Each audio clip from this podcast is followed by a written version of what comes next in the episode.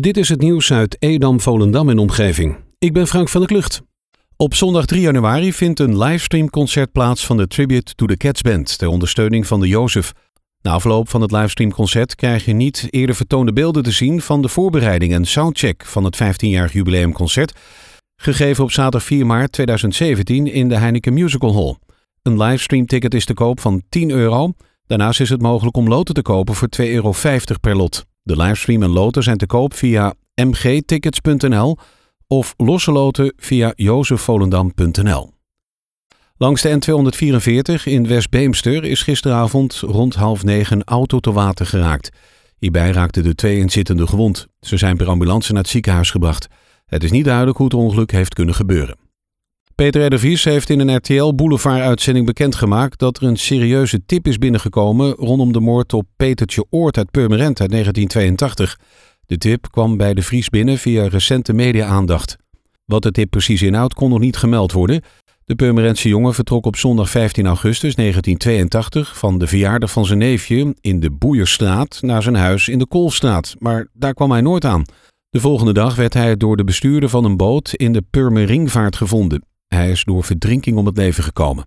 Er is nooit een oplossing in de zaak gekomen.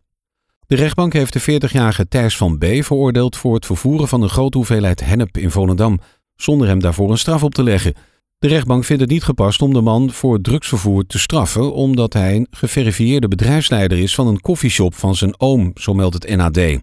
De rechtbank erkende in haar vonnis dat de zaak in feite was ontstaan vanwege de achterdeurproblematiek in de wetgeving en dat de 500 gram hennep die de koffieshop op voorraad mag hebben, vaak in de praktijk niet genoeg blijkt te zijn. Het aantal overledenen in Zaanstreek-Waterland als gevolg van het coronavirus is sinds de kerstdagen opgelopen. In de acht gemeenten zijn inmiddels 220 inwoners overleden aan corona. In Zaanstad en Purmerend zijn er nieuwe sterfgevallen bijgekomen. Ook Edam-Volendam steeg het aantal besmettingen met 18 positieve testen. Het totaal aantal besmettingen komt nu uit op 1668. Het aanbod van karton is landelijk en ook in de gemeente Waterland zeer groot. Dit leidt vaak tot verstoppingen en daardoor vervuiling en toename van zwerfafval.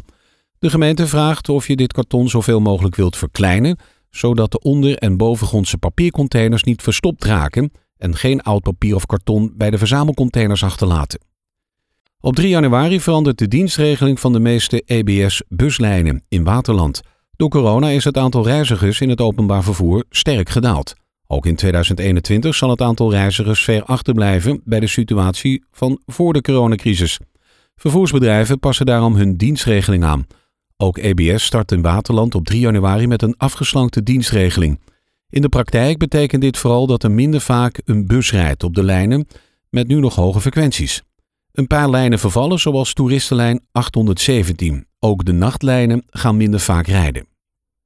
In de week van 4 januari wordt gestart met het herbestraten van de Kerkstraat in Monnikendam. Het betreft het gedeelte van de Zarken vanaf de Kloosterstraat tot en met de Kerkstraat. Tijdens de werkzaamheden is dit gedeelte gestremd voor al het verkeer. Met de aannemers zijn afspraken gemaakt om de rijbaan gefaseerd uit te breken, zodat de rijbaan alleen op de werkdagen gestremd is voor verkeer. De werkzaamheden worden uitgevoerd door de firma Nota Infra BV en gaan naar verwachting vier weken duren. Kinderopvangorganisatie Tinteltuin start in januari op het terrein van AC Waterland in Sportpark Landsmeer een nieuwe sport-BSO. Kinderen kunnen onder leiding van een ervaren pedagogisch medewerker en een gespecialiseerde sportmedewerker sporten met elkaar. Sport is niet alleen gezond en leuk, maar draagt ook bij aan sociale ontwikkeling van een kind. De nieuwe sport-BSO is geopend tijdens schoolwerken op maandag, dinsdag en donderdag van 2 tot half 7. De kinderen worden opgehaald van elke school in Landsmeer. Tot zover het nieuws uit Edam, Volendam en omgeving. Meer lokaal nieuws vindt u op de Love Kabelkrant, onze website of in de app.